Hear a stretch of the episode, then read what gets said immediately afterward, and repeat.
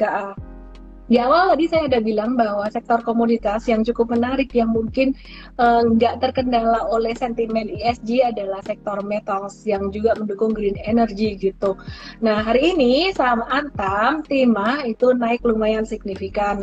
Tapi dia baru aja naik dari masa downtrend dan sideways-nya dia.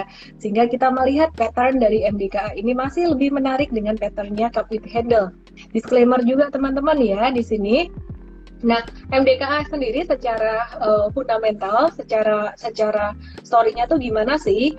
Uh, eh, MDKA ini ada kontribusi besar dari proyek AIM. AIM itu apa? Proyek Acid, Iron, and Metals.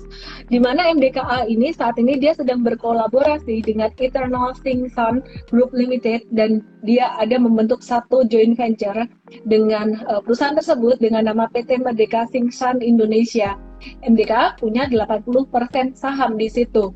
Dan proyek ini pengembangannya akan menyerap capex sebesar 290 juta US dollar, di mana eh, taksiran nilai investasinya sekitar 407 juta US dollar dengan umur proyek 22 tahun. Uh, terus dampaknya apa dong ke pendapatan MDKA sendiri? Dampaknya diperkirakan akan memberikan kontribusi yang positif untuk pendapatan uh, eh, MDKA sendiri sebesar 170 juta US dollar per tahun dibandingkan dengan pendapatan historical dia tertinggi uh, untuk copper sebesar 100 juta per tahun.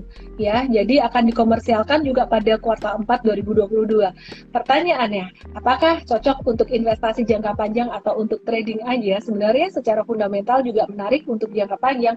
Tapi bicara tentang mau investasi jangka panjang atau trading jangka pendek itu mesti sesuaiin dengan your risk appetite. Kenapa? Jadi investor jangka panjang itu nggak mudah. Harus benar-benar memahami fundamental, memahami story. Dan seperti Anda membeli sebuah perusahaan harus memahami uh, perusahaan ini gimana gitu. Jadi kalau nggak paham benar-benar nanti ada fluktuasi naik dan turun justru malah akan galau, malah akan stres gitu. Jadi kelebihannya seorang trader adalah bisa masuk cepat, bisa keluar lebih cepat, uh, mungkin nggak harus jangka pendek tapi mungkin jangka menengah beberapa bulan memanfaatkan tren yang masih naik gitu. Oke, okay.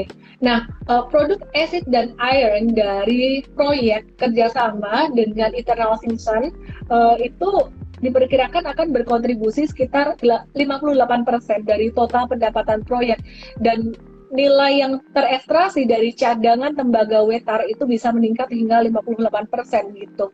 Uh, ini Ya, data yang aku sampaikan ini, teman-teman, semuanya ada di Mtrade. Buka aplikasi Mtrade, uh, masuk ke menu analisis, di situ langsung aja cari MDKA. Di situ akan ada informasi yang lebih lengkap tentang teknikal fundamentalnya. Nah, uh, di mana di situ juga disebutkan bahwa MDKA itu punya uh, resource terbesar di dunia. Resource apa? Langsung aja buka di aplikasi Mtrade.